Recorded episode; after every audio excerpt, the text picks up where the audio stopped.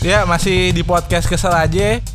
Abang-abangan tuh bangsat ya. Jadi eh, lo tahu di setiap tongkrongan tuh pasti ada yang namanya abang-abangan. Ini abang-abangan ini biasanya abang-abang yang umurnya tuh jauh lebih tua daripada kita-kita semua. Ya kayak dulu di kampus gue ada tongkrongan abang-abangan ini lebih tua daripada bapak gue cuy. Nah, lo tahu kenapa gue kesel sama abang-abangan? Satu nih, kalau dia ngelawak, lawakannya nggak lucu cuy. Asli lawakannya kagak lucu, jadul nggak jelas. Tapi gue diwajibkan untuk ketawa dan gue tahu banget nih teman-teman gue yang lain di sekitar gue itu juga ketawanya palsu. Kayak eh kita semua tuh pura-pura ketawa demi ngeladenin lawakannya dia anjing. Terus satu lagi nih, dia tuh suka ngasih nasehat dan juga makna-makna kehidupan yang gak jelas gitu. Tapi setelah dia ngasih nasehat panjang lebar apa tentang hidupnya dia, berapa susah hidup dia, ujung-ujungnya dia lepas tanggung jawab. Kayak gue nggak peduli juga lu ntar jadinya gimana, cuman ya yang penting gue nguliahin lu aja bro.